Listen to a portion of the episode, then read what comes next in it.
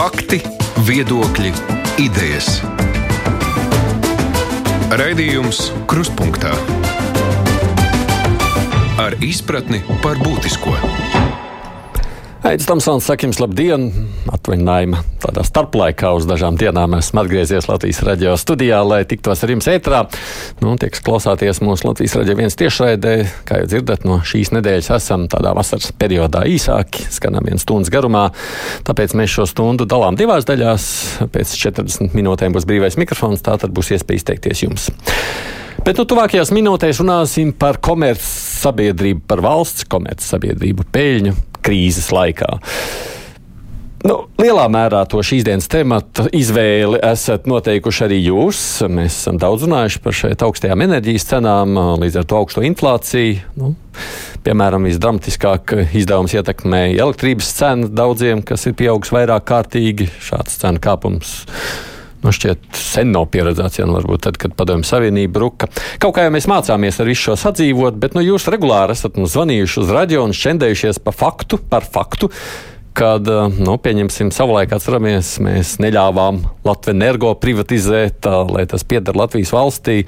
Nu, tiem, kas nezina, varbūt tā jau tāda senāka vēsture. Latvijā savulaik bija referendums par to, lai neļautu Latviju energo privatizēt, un toreiz daudzi parakstoties cerēja, ka tas ir nu, nodrošinās zemāku elektrības cenu, jo lūk, privātais ne tikai domā, kā vairāk nopelnīt, bet uh, nu, valsts politika tad, nu, būtu sociāli atbildīgāka. Tas šķiet arī daudziem bija šī referenduma lielais dzinulis. Bet, nu, kā mēs redzam, piemēram, Latvijas energo katru gadu peļņa aug, un šī gada trīs mēnešos vien Latvijas energo ienākumi ienākumi tuvējušies pusmiljardam. Nu, peļņa pārsniegs 80 miljonus, tātad mēnesī Latvijas nopelna pār par 30 miljoniem. Laikā, kad skan tādas biedējošas prognozes par Latvijas gaidāmo ziemu, nu, šīs ziņas par šo valsts koncerna peļņu daudz ir satraukuši. Tad pirms dažām dienām parādījās publikācijas, piemēram, ka Rīgas siltuma vadītāja alga pagājušajā gadā ir pieaugusi par gandrīz trešdaļu. Vai nav tā, ka valsts uzņēmumi tātad uh, krīzē iegūst, kamēr cilvēki nezina, kā norēķināties par pakalpojumiem? Studijā man šeit līdzās pievienojusies ir pārresoru koordinācijas centra kapitāla sabiedrība pārvaldības nodaļas vadītāja Dzintra Gasuna. Labdien jums! Labdien! Latvijas universitātes uh, profesors, ekonomists Gunārs Bērziņš. Labdien! Un Baltijas korporatīvās pārvaldības institūta viceprezidents vadītājs ir Latvijā Andris Grafs. Labdien! Valsts uzņēmumam tātad sociāli atbildīgam jābūt. Nevis jādzens vien pēc peļņas. Ir tad uzstādījumam taču kāda nozīme, vai ne, Grafkungs? Protams, uzstādījumam ir ļoti būtiska nozīme. Un, un, un tieši par, par šo tēzi es domāju, ka tā izpratne arī mainās no tāda tīra akcionāra kapitālisma uz, uz iesaistīto pušu kapitālismu. Tas nozīmē, ka svarīgākais nav tikai peļņa, bet parādās šie jaunie aspekti, nefinanšu aspekti, sociāla atbildība. Mēs runājam par zaļo kursu, mēs runājam par, par, par attiecīgām investīcijām. Tā kā nu, jebkuram uzņēmumam, es domāju, ar to nav atšķirīgi arī valsts uzņēmumi, kad ir divējādi šie mērķi. Protams, būt finansiāli veiksmīgam, nu, lai sasniegtu finanšu mērķus. Tur mēs varam runāt par apgrozījumu, par, par, par tirgus daļu, par peļņu, arī par, par dividendēm, kas tiek izmaksātas, bet ir arī šī nefinanšu mērķu komponente, kas, kas protams, ir arvien pieauguša. Bet ir tā, ka valsts uzņēmumam vajadzētu būt lielākai šai nefinanšu mērķu komponentei nekā, pieņemsim, privātajam. Um, Atceramies, to es jau te pieminēju, to referendumu. Tas toreiz, man liekas, bija viens tāds ļoti jā. būtisks arguments. Tas būtiskais jautājums ir, uh, ko valsts vēlas no šī konkrētā uzņēmuma saņemt. Valstī pēc idejas ir trīs varianti, ko valsts var gribēt no jebkura sava uzņēmuma. Pirmais variants ir, piemēram, nodrošināt maksimāli lielu um, teiksim, izaugsmes, izaugsmi. Nu, pieņemsim. Tas nozīmē, tas, ko tas nozīmē? Tas nozīmē, ka valsts grib, lai peļņu, ko šis uzņēmums iegūst, iegūst attīstībā. Nu, Labs piemērs ir Enefits, kurš ir Igaunijas valsts mm -hmm. uzņēmums, kurš ir ļoti aktīvi darbojās enerģijas tirgu Latvijā. Tad valsts ir devusi viņam uzdevumu faktiski savus investīciju iegūtos peļņas apjomu investēt attīstībā, izplašoties ārpus Igaunijas teritorijas. Latvijas energos arī jā, tirgo, jā, darbojās ārpus Latvijas. Ārpusē. Tad, tad tas ir uzdevums, bet lai to attīstību veiktu, nu, ir nepieciešami līdzekļi. Uzņēmuma attīstības pamatā, protams, ir peļņa. Peļņa tiek ieguldīta attīstībā un tādā veidā faktiski. Pat sakot, mēs varētu gribēt, ne. lai viņi ir varani. Tas ir pirmais variants. Jā. Otrs variants, otrs variants ir iegūt, iegūt uzņēmumu vērtības pieaugumu. Akcionārs var pateikt, es gribu, lai jūs kļūstat vērtīgi. Tas nozīmē, mēs investējam, piemēram, zaļā enerģijā, mēs investējam dažādos projektos, kas palielina uzņēmumu vērtību un nākotnes, nākotnes izaugsmes potenciālu. Un trešais variants ir dividendis. Un šobrīd valsts ir principā noteikusi, ka 63% no ar likumu noteikusi 63% no visām no peļņas ir jāiemaksā valstī atpakaļ budžetā. Latvijas. Uh, ir, ir noteikusi, ka jānemaksā budžetā 63% no peļņas. Mm. Tas ir valsts budžeta likumā ierakstīts. Valsts ar šiem līdzekļiem rēķinās kā savu, jau savu naudu.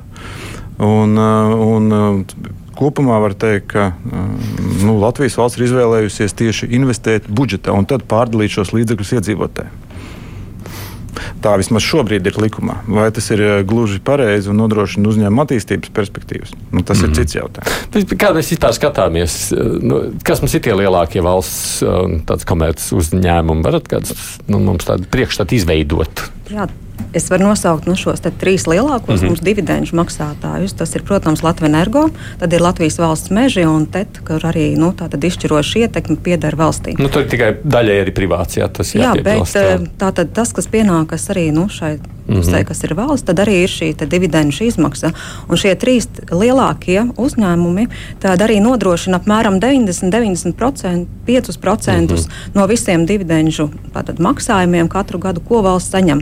Un, protams, tas maksājuma apjoms ir samērā liels. Tie ir 220-230 miljoni katru gadu, ko valsts budžets saņem caur šiem dividendžu maksājumiem. Un, protams, tā ir būtiska summa, lai tālāk varētu arī novirzīt dažādiem mērķiem, kuri nepieciešami nepieciešams ieguldīt valstī. Tas ir vai kādiem šiem sociālajiem mērķiem, vai kādām citām lietām, kas attiecīgajā brīdī ir būtiski. Tādēļ arī jau tika pieminēts, ka ir šajā budžeta likumā ne tikai Latvijas energo, arī jau mans pieminētais Latvijas valsts meži, ir uh, augstsprieguma tīkli minēti, tāpat tās arī ir šis Latvijas radio un uh, televīzijas centrs, arī Latvijas Lotā. Šie uzņēmumi ir minēti jau ar konkrētām summām, cik tad ir vismaz jāsamaksā dividendēs katru gadu. Ja pieminam kaut vai šo Latviju energo, tad šī summa būs lielākā - 64%, kas ir likumā noteikts, jo jau ir uh, fiksēts, ka tam ir jābūt 70 miljoni. Tā tad jau ir ieplānots budžeta ieņēmumi, ka tie būs vismaz 70 miljoni. Ja paskatāmies uz iepriekšējā gada peļņu, tie ir 71 miljoni, un tad attiecīgi attiecīgi jau ir uzņēmumam krietni liela summa jānodrošina. Un, ja runājam par šiem mērķiem, tad mēs varam skatīties, kāds ir Latvijas energo vispārējais strateģiskais mērķis, kas arī nevisai sen ir pārapstiprināts no jauna. Tad, attiecīgi, jau šajā vispārējā strateģiskajā mērķī, kāpēc ir valstī šī līdzdalība, ir iekļauts iekšā taisnība tas aspekts, ko arī minēja Bērziņa kungs, tas ir šī vērtības audzēšana. Tā tad ir būtiski, lai kopumā uzņēmuma kopējā vērtība pieaugtu, tātad tiek plānot šīs investīcijas investīcijas. Un kas mums uh, ir jāatcerās, ka nav tikai nā, tad, uh, šīs te, kas ir ar elektrības pārdošanu, tā ir šī komercdaļa, bet ir infrastruktūras objekti. Un kas ir tas būtiskais aspekts, kas arī tika ņemts vērā šajā referendumā, ko pieminējāt? Mm. Nu jā, bet vispār, ja mēs tā skatāmies uz šo pašreizo situāciju, krīzi jau tiem uzņēmumiem nemaz par sliktu tādā ziņā nav nākuši Latvijas energo peļņas šķiet augsts, un, protams, elektrības cenas, nu, mēžiem arī vajadzētu, vai ne, koks un augsts cenas šobrīd skatoties, cik man maksā malka un uh, šķelda arī acīm redzot. Nu, tas nozīmē, ka uzņēmumiem šis krīzes laiks ir drīzāk tāds ieguvuma laiks, jā, tā ir. Nu. Es, es domāju, ka jebkuram uzņēmumam šis laiks ļoti sarežģīts. Gan Covid vai pandēmijas seku vai, vai ietekmes mazināšanu, arī šobrīd šīs enerģijas cenas, nu, piemēram, tas pats Latvijas energo, lai nākotnē mazinātu šo uh, ietekmi uz, uz, uz patērētājiem un, un to summu, ko patērētāji samaksā, piemēram, vēja parka paneli, uh, projekts uh, kopā ar valsts mežiem. Nu, tās ir miljardiem vērtas investīcijas, kas tiek mm -hmm. būvētas. Un, protams, šī, šis uzsvars vai arī vadības enerģija tiek, tiek, tiek veltīta tam, lai teiksim, teiksim, konkrēti šo projektu attīstītu. Tā kā nevar teikt, ka krīzes laikā, kur iedzīvotāji iznes uz, uz saviem pleciem, tagad uzņēmumi nu, tur atpogāt vaļā žaketi vai atpūšās. Tur, Tajā pašā un... laikā tās izklausās pēc iespējām, tas spriežā minētie vēja parki, tad tur runa laikam jau prātom elektrostacijas, mm. iespējams kāda būvniecība, nu tādas, tādas, tādas lietas, kuras mēs nu, vēl pirms kādu laiku neapsvērām. Ne? Jā, bet tas ir jau pieminētie šie nefinanšu mērķi vai tas, kas Jā. ir norādīts, kas uzņēmumam ir jāsasniedz, un tas ir tas būtiskais, lai varētu sasniegt dažādus šos nozares mērķus, kas šajā gadījumā ir dažādi šie atjaunojamie enerģijas avoti, dažādi projekti, kas ir jāveic tieši uzņēmumam. Un kā mēs arī skatāmies, ir pietiekami daudz dažādas lietas, kas ir tādas horizontālas, kas nav tikai konkrētajam uzņēmumam, bet piemēram ar dažādiem vidas faktoriem. Un tad attiecīgi arī šādi nefinanšu mērķi tiek norādīti konkrētam uzņēmumam. Bet, ja mēs runājam nu, par šo pēdējo peļņas apjomu, es gribētu teikt, ka Latvijas energo tomēr ir tāds sezonalitātes darbības princips. Ja paskatāmies 20. gadu, arī nemaz nebūtu mazāka tā peļņa bija, tie bija 60 miljoni, bet eh, tajā brīdī ir jāskatās tie visi apstākļi, kas to ir ietekmējuši. Un arī uzņēmums ir pats to skaidrojis. Tas ir gan šī pietece, kas ir bijusi Jā. lielākā apjomā, un arī nu, citi apstākļi. Protams, tas ir saistībā arī no nu, šīm cenu svārstībām. Es tikai gribēju piebilst, ka, nu, ka valstī pēc idejas ir jāpieņem šis lēmums vai teiksim, tā, tarifu samazinājums visiem, no arī ražošanas uzņēmumiem un iedzīvotājiem. Tas ir viens veids, kā faktiski pārdalīt, iz, iz, nu, teiksim, visiem vienādi iedot iedot papildus naudas līdzekļus ar mazākiem izmaksām, nu, teiksim, samazinot izmaksas. Otrs veids ir veikt šo pārdali caur budžetu. Un valsts izskatās, ka ir izvēlējusies pārdali caur budžetu kā veidu, kā um, atbalstīt iedzīvotājus. Un mēs zinām, ka pagājušā gada atbalsti bija milzīgi.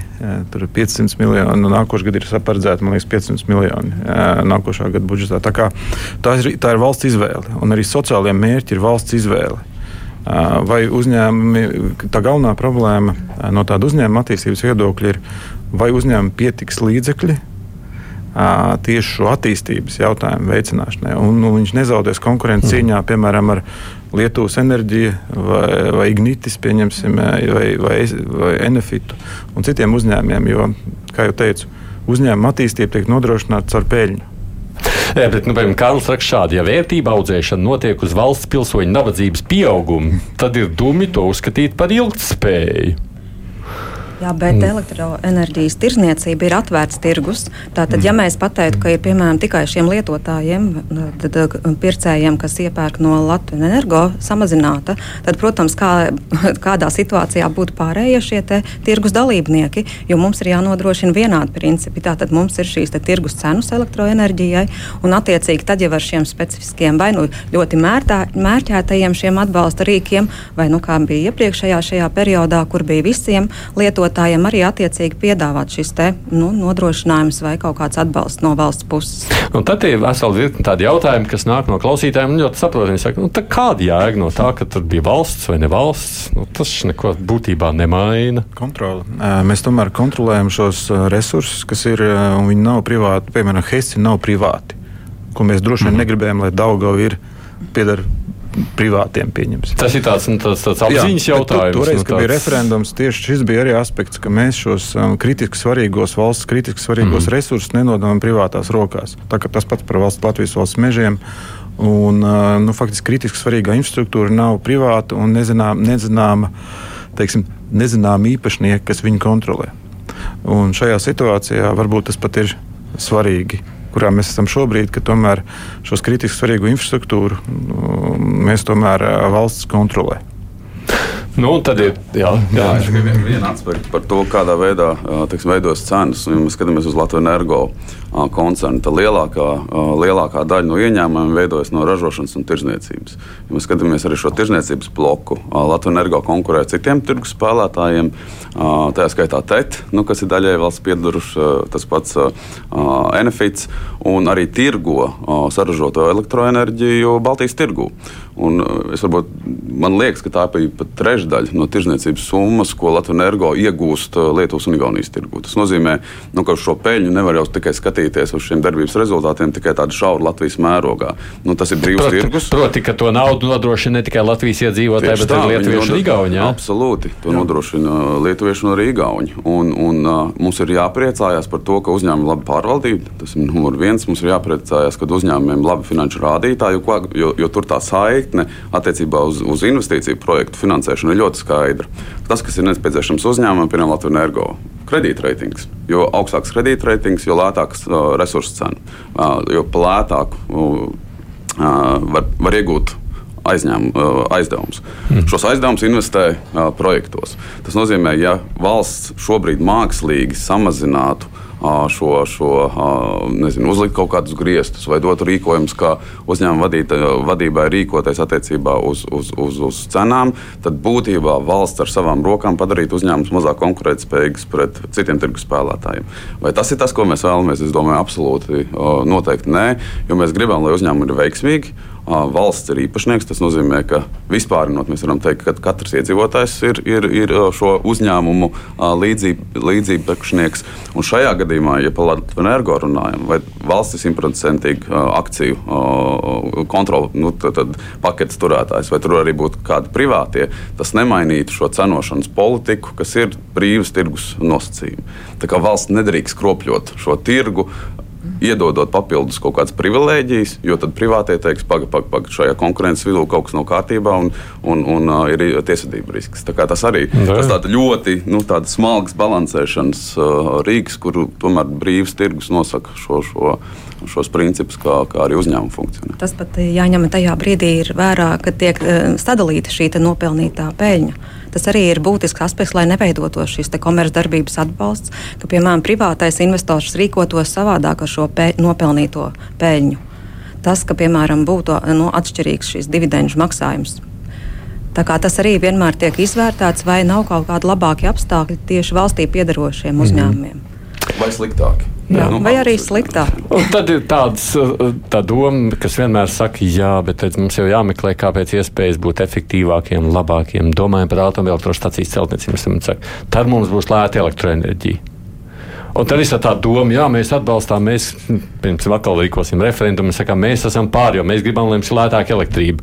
Un tad mēs uzstājām elektrostaciju, bet nu, tā kā tirgus jau ir brīvais, vispārējais, mēs jau maksājam tāpatās kā līdz šim. Un, Un es jūtos piemānīts. Man te teica, redz, mums ir hesi, tāpēc mums būs lētāka elektrība, mēs uzcelsim atomelektrostaciju, mums būs lētāk, bet es kā maksāju tur kaut kādas baigo naudas summas, tā arī maksāju. Nu, teiksim, tirgus cena, teik, mums, mums ir Nordpūles tirgus cena, tiek noteikta katru dienu. Katru dienu mēs, mēs zinām, atkarībā no saražoto enerģijas daudzuma. Atomelektrostacijas vai jebkurš jebkurš teiksim, enerģijas avots, kas var pat nepārtraukti ģenerēt enerģiju, ir absolūti nepieciešams. Faktiski um, viena iemesla pēc, jo vairāk ir alternatīva enerģijas avotu Latvijā, jo vairāk nepieciešams balansēšanas jaudas mūsu elektrotīklam. Šobrīd mūsu frekvence pēc idejas notur Krievijas atomelektrostacijas. Uh, nu šobrīd, kas ir šobrīd, mēs uh, līdzsvarojam mūsu tīkla 50 Hz un visu to, kas Hess ražo, neražo ar faktiski nu, ar Krievijas, ar Igaunijas, ar Polijas. Teiksim, enerģijas resursiem mēs paši nemaz nevaram nodrošināt nepārtrauktu spriegumu tīklā. Mm -hmm. Un tas ir tas aspekts, kāpēc mums ir jādomā par to. Un jo vairāk būs tieši zaļās enerģijas, jo vairāk būs nepieciešams balansēšanas jaudas tīklā. Un vēl ir būtiski vispār šajā jau pieminētajā Nordbūlu tirgu ir šīs elektrības, jo, ja, protams, ir tas apjoms lielāks, tad arī mēs zinām, nu, pamat eh, šos ekonomikas eh, likumus, protams, tad arī cena būs zemāka, ja piedāvājums ir lielāks, ja saražos vairāk elektrību šajā tirgu. Bet, protams, var rasties arī iztrūkums kopēji. Tas nebūs varbūt tieši šeit Latvijā. To mēs arī redzējām jau diskusijās, kas nevisai sen ir bijušas gan par šo gāzi, ka mēs nevaram iedomāties, ka mēs esam tāda noslēgta teritorija, kur mēs varam nodrošināt pilnībā ar kādiem no šiem resursiem. Jo tirgus ir atvērts, mēs esam pateikuši, cik liela ir tā teritorija, kas ietekmē šīs cenas. Un redzējām, kas arī nu, bija pagājušā gada nogalē, kur ļoti strauji uzkāpa cenas, ka tas nevis bija notikumi, kas bija šeit, pat Latvijā, bet tie bija notikumi ārpus ārpus Latvijas. Jā, jā. Nu, beigās atceramies, kāpēc tas tāds sajūta pirmkārt apzināties, ka, ja mēs pat sakām, lūk, nu, mums te būs, mēs uzve, izveidosim lētos enerģijas avots, tad būs labāk. Nu, nevienmēr būs labāk, varbūt, ka mums nebūs labāk. Te, piemēram, klausītājs, kurš te bija, Kārlis raksta, nu, atceramies, tad, kad taisīja teica divi rekonstruēji teica, ja mēs ieguldīsim, lai tad, ja nākotnē būtu krīze, tad mums būtu lētāka elektroenerģija, jo lūk, mums te dabasgāzes nodrošināt, tad tev nu ir sasolīja lētāk un beig beigās sanāca tikai dārgāk. Uh. Teiksim tā, īsti var, var, var teikt, ka teiksim, nākotnes iespējamās ģeopolitiskās sekas nebija paredzētas izvērtēt šo projektu. Tāda kļūda jāatzīst. Tā, jā. principā, principā tikai koncentrējoties tecus uz uz konkrētā gadījumā uz gāzi, principā tā bija diezgan nozīmīgs teiksim, riska faktors, kas netika ņemts vērā. Ja, kā jau saka, mēs nekad neatzīsim laikam savu vainu. Jā, bet uh, tas ir vienalga bijis papildus resurss, kādā veidā varēja iepludināt papildus šo elektrību. Ja man arī nebūtu šāda iespēja, iespējams, tā cena būtu vēl augstāka, jo re resursu apjoms būtu vēl zemāks. Protams, tas ir jautājums par šo izēvielu. Tas atkal ir vēl būtisks aspekts, kas vienmēr ietekmē jau gala produktu. Nu, šajā gadījumā elektrība, kas tad ir tas sākotnējais, arī ja mēs runājam par citiem nu, kaut kādiem šiem avotiem, tad, protams, cik tas izmaksā. Jo Andris pieminēja šos lielos projektus vai tie būs vēja, šie parki vai kādi citi tātad atjaunojami resursi, vai arī kuri saražo lielākus. Tas ir jautājums arī par investīcijām. Jo, protams, ja mēs eh, ieguldam vairākus šos miljardus pat resursu, protams, tie ir jāatpelna, jo tie ir nu, uzņēmumam vai nu aizņemti resursi, vai nu uzkrāti kaut kādā ilgākā laikā. Jā, redziet, dzirdu, turpiniet tikai Inga raksta, ja mē, mēs taču gribam, lai iedzīvotājiem būtu adekvātas cenas. Šai jūsu sarunai būtu jēga, ja kaut kas mainītos iedzīvotājiem iedzīvotājiem par labu, bet nekas jau nenotiek. Tāda tukša runāšana vien sanāk. Nē, nu, konkrēts piemērs, kas arī šo, šo, šodien bija uh, uh, radio un, un sabiedriskās medijos par to, cik tā atšķirās. Uh, siltumenerģijas tarifs no pašvaldības uz pašvaldību. Un šeit mēs redzam arī milzīgu, milzīgu šķēri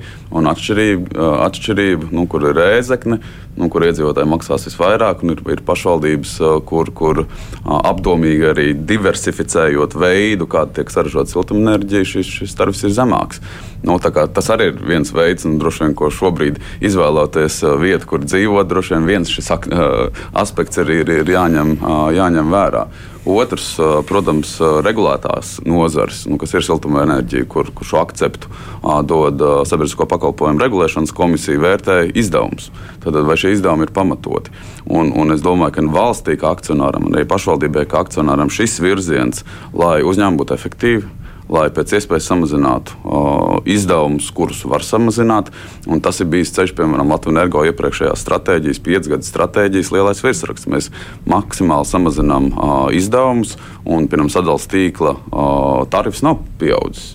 Vismaz šobrīd viņš ir, ir, ir bijis nemainīgs. Tas nozīmē, ka arī caur šādiem uzstādījumiem, kā, kā valsts vai, vai pašvaldības, kur ir īpašnieki, var šo regulēt. Kas notiek pašvaldībās, nu, tur mēs redzam, ka šie rezultāti ir ļoti atšķirīgi.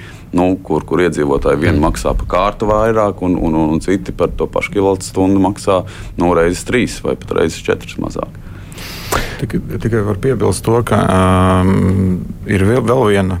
Um, faktiski atbildības joma, par kuru, kurai nākotnē varētu būt ļoti liela nozīme, tā saucamās enerģijas kopienas.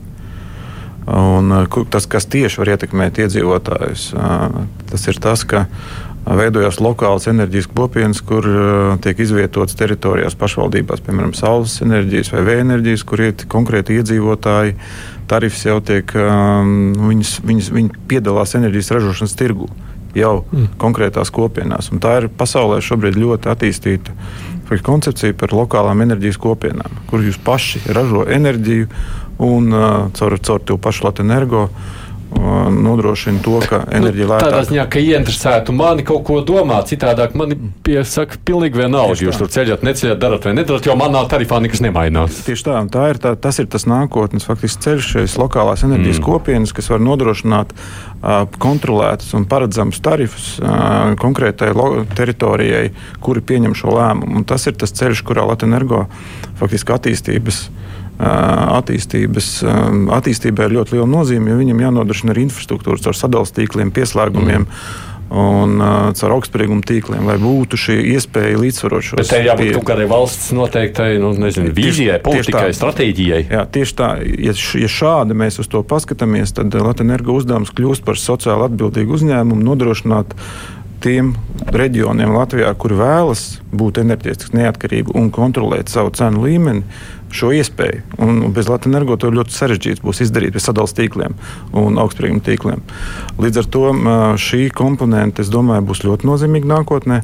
Un otra lieta, ko jāskatās, ir pats teicis piemērs. tie visi projekti ir ļoti ilgspēlējuši. Viņi ir de, teiksim, desmit gadi. Enerģētikā ir tāds minimālais Nu, laika sprīdis. Un šis projekts, piemēram, par to gāzi bija jāskatās kopā piemēram, ar dabasgāzes alternatīvām piegādēm. Nu, to pašu kaut kādu terminālu. Jo pretējā gadījumā mēs kļūstam atkarīgi, un tas aspekts nebija izvērtēts. Tu ne, mēs nevaram atraut skatīties Latvijas energo bez piemēram, piegādēm. Mēs nevaram skatīties uz uh, Latvijas energo atrauti no šīs enerģētikas politikas attīstības. Bet nu, man te šajā ziņā ir skeptiķi, kas raksta, viņš gan negrib šo vārdu šeit nosaukt, sakot, ka nu, ar atomelektrostacija būs līdzīga tāpat. Tagad mēs sakām, būs jau lēta, tad, kad uzcels tur pēc 10, 15 gadiem, viss jau būs atkritums jā, jāutilizē. Protams, ka savas izmaksas būs, un atkal nebūs lāgi. Un, runājot par enerģijas kopienām, viņš saka, tur taču Latvijas energo visu darījuši, lai tas tā nenotiktu. Bet, uh, tā, tā ir tā politika, kas kā reizi ir ļoti svarīga, lai mēs par to diskutētu. Un Latvijas energo plānos tās tiktu iekļauts kā ļoti būtisks attīstības uh, sastāvdaļa. Mm. Te jau par to ilgtermiņu daudz saka, arī tie saka, tiek slēgts saules paneļus. Viņi saka, šobrīd skaidrs, tu uzliec ar to domu, ka tu atpelnīsi nākotnē, bet beigās viss saliks, un tad kādā brīdī atkal iztaisīs kaut kādu citu tarifu, ka tev tas vairs, nu, nu, vairs neatpirks pēc pašreiziem noteikumiem. Beig beigās tu tavā ilgtermiņā paliks ar garu degunu. Jā, tas ir tas jautājums par šiem mikroražotājiem. Par to uh, kopumu, uh, kas īsti nav apskatīts līdz šim, jo tomēr, ja mēs skatāmies Latvijā, uh, šī enerģijas ražošana ir nu, samērā aizkavējusies, ja mēs paskatāmies Eiropu kopumā. Mm. Citās valstīs tomēr ir daudz uh, tālāk iet uz priekšu, vai tas ir ar šiem saules paneļiem vai ar kādiem citiem, uh, kas ir tieši nu, tādās saimniecībās vai, piemēram, uzņēmumos, kur ir izveidota šī autonomā sistēma. Tātad, lai to varētu nodrošināt enerģijas apjomu, kas ir nepieciešams, lai nu, attiecīgai vai nu uzņēmums vai, vai arī šī persona nodrošinātu sevi ar šo enerģijas resursu vajadzīgo apjomu. Jo pašreiz ir, varētu teikt, tāds pārējais posms, kur mēs redzam, ka ir jaunas šīs iniciatīvas, ka tiek uzsākts darīt, bet, protams, ir tas jautājums, kā tas tālāk rezultēsies. Jau pieminētais sadalījums tīkls, protams, ka tas ir vairāk bijis pretējā virzienā, tātad piegādātājs eh, jau šiem saņēmējiem, klientiem. Pašreiz ir jāveido tā sistēma, lai viņi arī darbotos uz otru pusi. Tas, ka ir šie ražotāji un kam nav nepieciešams tik daudz sarežģīta elektrība, varētu arī nodot jau šajā te sadalījuma tīkla, nu, tātad kopējā. Nu, piemēram, nu, piemēram, šobrīd ir ierobežojums 11 kW vienai maisaimniecībai. Uh, nu, teiksim, attīstot šo pašu infrastruktūru, Latvijas energo varētu viņu palielināt ievērojami. Latvijā ir diezgan daudziem, kuriem ir īpašumi ārpus Rīgas. Un lauka īpašumu viņi salikt tos paneļus, varētu izmantot Rīgā. Nu, to jau iespēja citā īpašumā. Viņi var saražot vairāk. Un tādā veidā, faktiski iesaistot iedzīvotājus šajā enerģijas ražo, ener, elektronikas ražošanā, mēs iegūtu ļoti daudz iedzīvotāju iesaisti, iedzīvotājiem iespēju kontrolēt savus izdevumus. Tā kā es teiktu, ka tas ir labi, bet bez Latvijas energo to nevar izdarīt pēc sadalījuma tīkliem. Jā, jā, bet es saprotu, ka šī būtu tāda lieta, ko vispār vajadzētu nu, atsevišķs nu, diskusija par to, kā nākotnē to sistemātiski veidot. Tā jūs sakāt. Vispār, Iespējams, ir, bet ierobežojumi Jā, arī ir. liek, liek aiz auss to. Bet runājot savukārt par jūsu pieminēto taupīšanu, vispār nu, tādu veidu, kā, nu, ko dara uzņēmumi, tad Ārns savukārt raksta šādi. Varbūt tad beidzot tās taupības prasības derētu attiecināt arī uz Latvijas valsts mežiem, kur darbinieki pilnā valsts apgādībā, sākot no galvenajiem dienesta auto, ko izmanto dienām un naktīm, darbiniecēm tiek iedalīta īpaši sarkana auto, kā jau dāmām, apģērbs no galvas līdz kājām par brīvu, algas smukas, lai gan nevienu koku līdz siršanas vecumam viņi tā arī nav izaudzējuši. Jā, par tām klaitām es domāju, nu, tas, tas varētu tiešām tā nebūt. Uh, Es valsts nezinu, mežiem, jā, protams, es lasu tā kā rakstīts. Attiecībā uz valsts mežiem man liekas, tas mērķis ļoti skaidrs. Un, un tas, tas biznesa modelis ir nedaudz atšķirīgs, jo, jo, jo meži jā, pieder valstī un, un tie ir nodoti valsts mežiem apsaimniekošanai, kur ir ļoti skaidrs šis finanšu mērķis. Tad apsaimniekot ļoti efektīvi un nest dividendus, kurus var izmantot budžeta vajadzībām. Un, un, un valsts meži ir otrais lielākais dividendžu mak- maksātājs. Un otrs ir, protams, ilgspējas jautājumi un, un, un meža kā, kā ilgspēja. Un es noteikti nu, negribētu piekrist, ka valsts meži ir, ir, ir nu, paldās tur atkal tādā leiputrijā. Un, un, un tur tomēr ir diezgan skaidri arī šie, šie kriteriji un strateģiskie mērķi noteikti, par kuriem uzņēmums atskaitās. Un, un, un, tā kā, nu, tur tā ļoti, ļoti liela piesardzība vērtētu šo, šo komentāru. Tad, tas ir arī mm šīs padomas atbildība. Tātad, Skatīties, kas notiek ar to naudu. Ja? Protams, jo tas mm -hmm. ir atkarīgs no tā, kā tiek efektīvi pārvaldīts, cik ir šie izdevumi pamatoti. Vai tieši, nu, tātad, ja tas ir tiešām salikt šajā te, darbinieku atlīdzības kopumā, vai tiešām tas ir pamatots un tam ir jābūt tam iekļautam. Un, protams, par šiem visiem jautājumiem atbild padomi uzņēmumā. Un tas ir tas rīks uh, un tas līmenis, kur tiek sekots līdz dažādām lietām. Ne tikai tas, kas saistībā ar darbiniekiem, bet varētu jau būt arī citas šīs ne neefektīvas lietas uzņēmumā. Tādēļ ir lielajos uzņēmumos izveidotas padomas, kurām ir šī uzraudzības funkcija, arī tāpat. Uh, um, sekot līdzi, kā notiek nu, šī te, um, operatīvā darbība, ko nodrošina valde. Tas ir būtisks uh, aspekts, nu, kas ir uh, ieviests uzņēmumos. Jo tas ir tas uzraudzības rīks, jo nevienmēr arī īpašnieks var nodrošināt uh, šo regulāru uzraudzību. Tādēļ ir mm, padome, kurai ir jābūt arī nu, tātad, e, atbildīgai par to, kā tiek e, efektīvi izmantot šie uzņēmuma līdzekļi. Lēniekungs te raksta, ka viņš saka, nu, tas sacītais, kā jūs sakāt, nu, ko šobrīd valsts dara, tā tad valsts to izmanto kā nu, uzņēmums nopelni, ieskaita budžetā un tad tālāk pārdalda uh, iedzīvotājiem. Viņš saka, nu, tas taču ir vienkārši elektrības nodoklis, tas sauksim to tā. Um, kopumā, kopumā viņš man liekas noformēts, ja nemaldos, likumā kā valsts um, kapitāla izmantošanas, uh, par, par valsts kapitāla izmantošanu. Uh, uh, es teiktu, ka kopumā, jā, nu, teiksim, šī konkrētā gadījumā tas ir, varētu tā arī teikt, ka tas ir zināmā mērā uh, papildus budžeta finansējums, ko mēs maksājam par katru par katru nu, teiksim, patērta enerģijas vienību. Bet jāatcerās, ka um, Latvijas enerģija nav vienīgais tirgu. Tirgu ir ļoti daudz citi spēlētāji.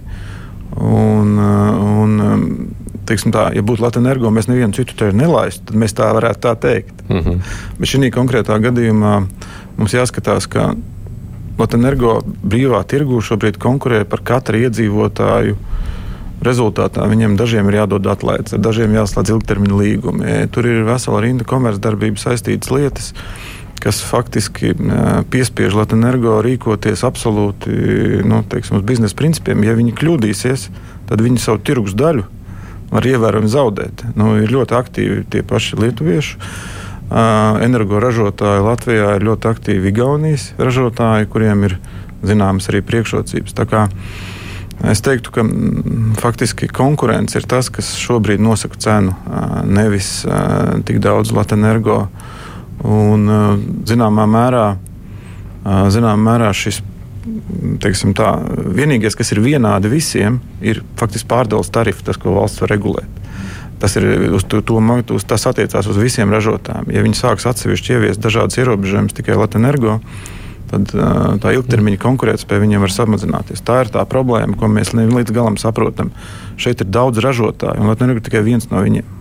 Jā, un, arī mērķi, un arī tie mērķi, kas tiek noteikti šim uzņēmumam, Latvijas energo, tiek noteikti tādā līmenī, kā ir konkurentiem. Tas nenozīmē, ka būtu augstāk kā citiem uzņēmumiem, jo arī mēs varam redzēt, kā ir definēts. Tad noteikti apmēram tādā pat līmenī, kā ir pārējiem uh, tirgus dalībniekiem, kas tad ir nu, šeit apkārtējās valstīs, kuri tad uh, nu, saražo šo elektrību, nu, tad, tad darbojas ar līdzīgiem principiem kā Latvijas energo. Un ne tikai tas peļņas līmenis, bet arī dividendžu maksājums. Jo, kā jau pieminēja, tie ir resursi, kas ir pieejami tālāk uzņēmumam, lai ieguldītu attīstībai. Un, protams, ja nenotiks šī attīstība, nebūs investīcija projekti, tad, protams, mēs arī nu, nevarēsim iegūt. Uh, jau dažādus šos rezultātus, ko sagaida tieši nu, sabiedrība. Jā, man papildinot divas, divas piezīmes. Viens ir tiešām tāda caurskatāmība, kā šis uh, cenu veidošanas mehānisms notiek. Jo, man liekas, ka nevar, jo šobrīd tas ir caurskatāms. Ja teiksim, maksāts dividendus, valdība atbalsta īpašas mērķa uh, grupas, kuriem šis atbalsts būtu visvairāk nepieciešams. Ja tas sāktu veidoties kaut kā šķērs subsidējot un nesaprotot, kā, kā nu, teiksim, slēptā veidā, man liekas, nebūtu neviens ieguvējs. Un otrs aspekts, ka ne politiķiem, ne arī ministrija politiskajai vadībai nevajadzētu jau jaukties šādos operacionālos jautājumos un noteikt, no nu, jums tur šobrīd, šodien vajadzētu tur samazināt cenu vai kaut kā citādi, kas būtu spiediens uz, uz, uz vadību. Jo tās sekas jau mēs zinām. Piemēram, Ušakovā laikā pārvaldīja Rīgas domi un, un uzņēmumi, un ar ko tas viss beidzās. Tā kā šis ir tas politiskais. Nu, mēs skatāmies uz Krieviju, Baltkrieviju, kur saka, lūk, jūs tur nedrīkstat samaziniet cenas, un viņi tur samazina. Mēs domājam, ka gribētu kaut ko tam līdzīgu. Jā, jā, bet tas neatbilst tirgus ekonomikas principiem, jo, jo par laimi mēs nedzīvojam šādās valstīs, kuras nu, šobrīd ir viskan. Tā kā man pietrūkst naudas, kā samaksāt par elektrību, man ir reizēm vienalga, vai, vai tur ir tāds vai citāds pārvaldes modelis. Man ir jautājums, kā es gribu samaksāt. Bet, ja vispār, ja mēs runājam par peļņu, mums jau ir jābeidz, mums ir 3-4 minūtes tikai palikuši. Kāda ir tā situācija kopumā skatoties uz valsts uzņēmumiem šobrīd? Jūs minējāt tos trīs, kas ir veiksmīgākie. Jā? Kā, kas notiek arī vispār, ja mēs lūkojamies, ir arī kādi, kuriem šajā krīzes laikā iet grūti, un droši vien, Latvijas dzelzceļš varētu būt, lai gan nu, pagājuši, piemēram, 20. gada, kas jau bija pagājušā mhm. periods, mm kur mēs esam kopā savilkuši šos datus, apkopojuši, tad ļoti liela negatīva ietekme bija tieši no satiksmes jomas, tātad transporta jomas uzņēmumiem. Tas bija Air Baltics, tāpat tās arī lidosta. Tātad visi tie uzņēmumi, kas bija no Covid pandēmijas ierobežojumiem ietekmēta, tad, protams, arī ir uh, vesela kopa uh, valsts kapitāla sabiedrības, kur netiek maksātas, vai, nu, piemēram, tiek pieņemts, ka ir tikai nu, šajā minimālajā um, robežā, kas ir bezzaudējuma punkts sasniegts. Tās mēs varam apskatīt visas kultūras jomas, kapitāla sabiedrības, jo, protams, tāda ir pietiekami daudz, pat patsmit. E, tāpat mums arī ir veselības jomas kapitāla sabiedrības, kuras arī ilgāku laiku bija darbojušās ar nu, negatīvu rezultātu, ar zaudējumiem. Bet ņemot vērā arī pēdējā laika e, šos apstākļus, ka pakalpojumu piedāvājums ir bijis plašāks, arī šie rezultāti jau tuvojas no šai bezaudējuma robežai. Tad ir mums vesela grupa ar uzņēmumiem, kuri eh, regulētajā eh, šajā te, eh, apjomā darbojas, kur piemēram ir apdru, apstiprināts ministra kabinetā cenrādes. Tad skaidrs, tur jau ir uzreiz redzams arī sabiedrībai, cik tad ir iecenota šī peļņas apjoms par konkrēto nu, pakalpojumu. vai tam līdzīgas jā, lietas. Jā, tieši tā. Mm -hmm. Un tur jau mēs redzam, kāds ir tas peļņas apjoms, kas tad ir jāsagaida. Tad vēl ko es gribētu pieminēt, ka caur šo peļņu dažkārt tiek novirzīts konkrētu nozares uzdevums eh, tātad, eh, jau finansēšanai. Vai tas, piemēram, mums ir Latvijas pasts, kur ļoti ilgu laiku tika sekti šie te, eh, abonētās preses piegādes. Tātad tā peļņa netika viss novirzīta uzņēmuma attīstībai vai iemaksāta kopējā budžetā, bet jau tie zaudējumi, kas bija radušies no konkrēti deleģētu uzdevumu veikšanas. Un tādus mēs vēl varētu nosaukt piemērus, kur jau ir konkrēts uzdevums dots, bet nav paredzēti resursi, tātad budžeta ietveros, bet no tā, ko uzņēmums ir nopelnījis kopumā, tad arī tiek novirzīts jau konkrēti šādu deleģētu uzdevumu izdevumu sekšanai. Mm bāzi un CSDD.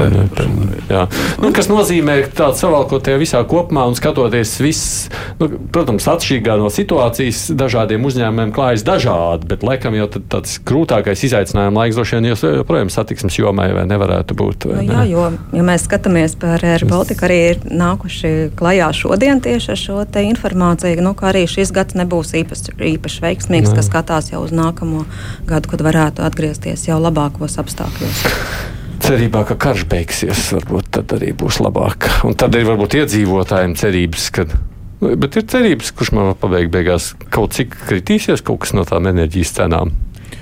Um, es varu teikt tikai paredzēt nākotni, protams, neviens nevar. Jā.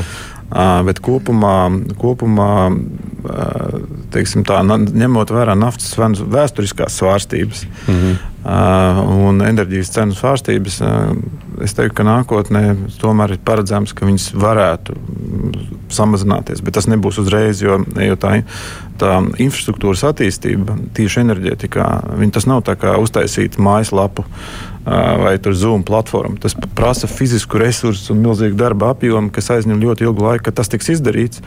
Tad es domāju, ka tā, tā sistēma stabilizēsies. Jāatcerās, ka šobrīd pašizmaksa, nu, piemēram, saules paneļiem vai, vai vēja ģenerācijai, nu, ir šobrīd robežās no ap 5, 6 centi par kilovatu. Mm -hmm. Un, ja mēs bez pārvades, ja mēs šādā līmenī skatāmies, pat 4, varbūt pat 4 centi. Tad mēs skatāmies, tad tas nozīmē to, ka te ir potenciāls, kur attīstīties un, un, Un galvenais ir teiksim, laicīgi veikt šīs investīcijas, nodrošinot šo attīstību. Uz nākotnē skatoties.